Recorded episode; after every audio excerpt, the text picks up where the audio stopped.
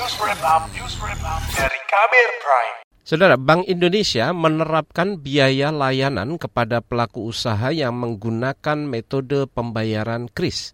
Penerapan ini dilakukan di tengah upaya UMKM bangkit usai diterpa pandemi COVID-19.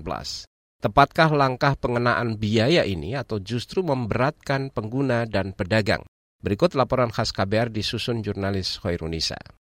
Bank Indonesia menetapkan tarif baru Merchant Discount Rate atau MDR untuk layanan Quick Response Code Indonesian Standard atau KRIS per 1 Juli 2023.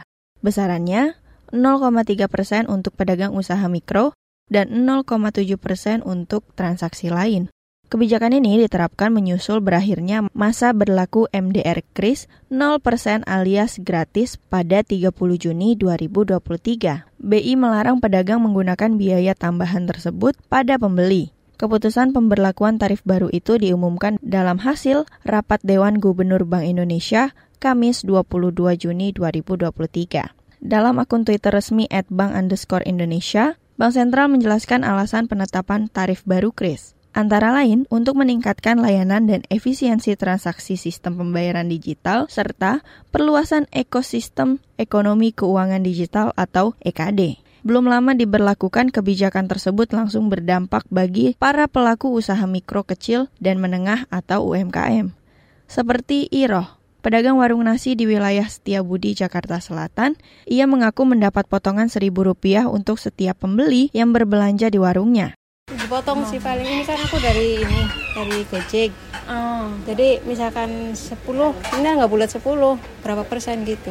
Jadi misalkan seribu lah kalau nggak salah oh. per, per transaksi. Ia menyebut telah melakukan penambahan biaya seribu rupiah sejak sebelum kebijakan biaya layanan tersebut diterapkan. Iroh mengklaim ia tidak terlalu mengeluhkan hadirnya kebijakan karena tidak berpengaruh pada omsetnya selama ini. Lain halnya dengan konsumen pengguna kris. Akibat pemberlakuan biaya itu, sejumlah konsumen mengaku kerap terdampak penambahan biaya kris yang dilakukan merchant atau pedagang. Salah satunya Heru.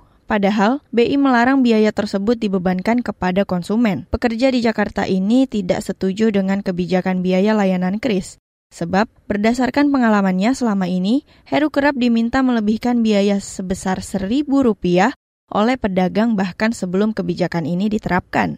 Ia menyebut penambahan biaya layanan ini juga berbanding terbalik dengan upaya transformasi digital yang digadang pemerintah ketika mereka menggadang-gadang atau menginginkan adanya transformasi ekonomi digital tapi eh, masih membebankan kepada penggunanya begitu. Setelah 1 Juli kemarin saya kan masih aktif eh, pembayaran penggunaan kris tapi belum ada sejauh ini meminta biaya tambahan. Ya syukur-syukur sih tidak membebani ya gitu. Tapi kan kita belum tahu apa sebetulnya keinginan pemerintah gitu. Namun, tak semua konsumen menolak. Ada juga sebagian konsumen yang setuju penerapan biaya untuk layanan kris, salah satunya Bintang. Menurut warga Jakarta ini, biaya layanan 0,3 persen itu untuk meningkatkan kualitas layanan yang ujungnya juga menguntungkan konsumen. Bintang tidak merasa keberatan jika nantinya konsumen bakal terdampak pembebanan biaya layanan kris. Meski begitu, ia berharap Bank Indonesia lebih gencar melakukan sosialisasi kepada pedagang hingga konsumen terkait kebijakan ini guna menghindari terjadinya kekeliruan. Sementara itu, Yayasan Lembaga Konsumen Indonesia atau YLKI menyoroti adanya kontraproduktif antara kebijakan tarif kris dan kampanye pembayaran non-tunai yang digadang pemerintah. Menurut pengurus harian YLKI Agus Suyatno, meski kebijakan ini diperuntukkan bagi pedagang, namun dampaknya akan sampai ke konsumen kalau kemudian ada biaya-biaya yang harus ditanggung oleh uh, pedagang yang tentunya akan berdampak pada konsumen, ini kan menjadi hal yang uh, menghambat proses uh, untuk cashless itu sendiri. Jadi ini menjadi kontraproduktif. Uh, YLKI lebih sepakat kalau memang untuk kelompok usaha uh, kecil menengah tetap uh, tanpa biaya karena uh, mereka atau pembiayaan itu kan bisa dipungut dari uh, pajak yang mereka bayarkan. Jadi uh, tidak semua itu harus uh, dibebankan dengan hal baru. Pengurus harian YLKI Agus Suyatno menyayangkan jika pada akhirnya pembeli malah menjadi korban karena biaya tersebut dibebankan kepada mereka. Menurutnya, pedagang atau pelaku usaha pengguna kris harus berinovasi. Ia menyarankan pembeli melaporkan jika menemukan adanya pedagang yang membandel dan menerapkan biaya tersebut kepada pelanggan. Hal ini sesuai imbauan Bank Indonesia. Berdasarkan data Asosiasi Sistem Pembayaran Indonesia atau ASPI, Desember 2022 pengguna kris sudah mencapai lebih dari 28 juta.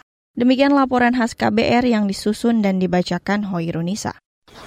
Kamu baru saja mendengarkan news wrap up dari KBR Prime. Dengarkan terus kbrprime.id, podcast for curious mind.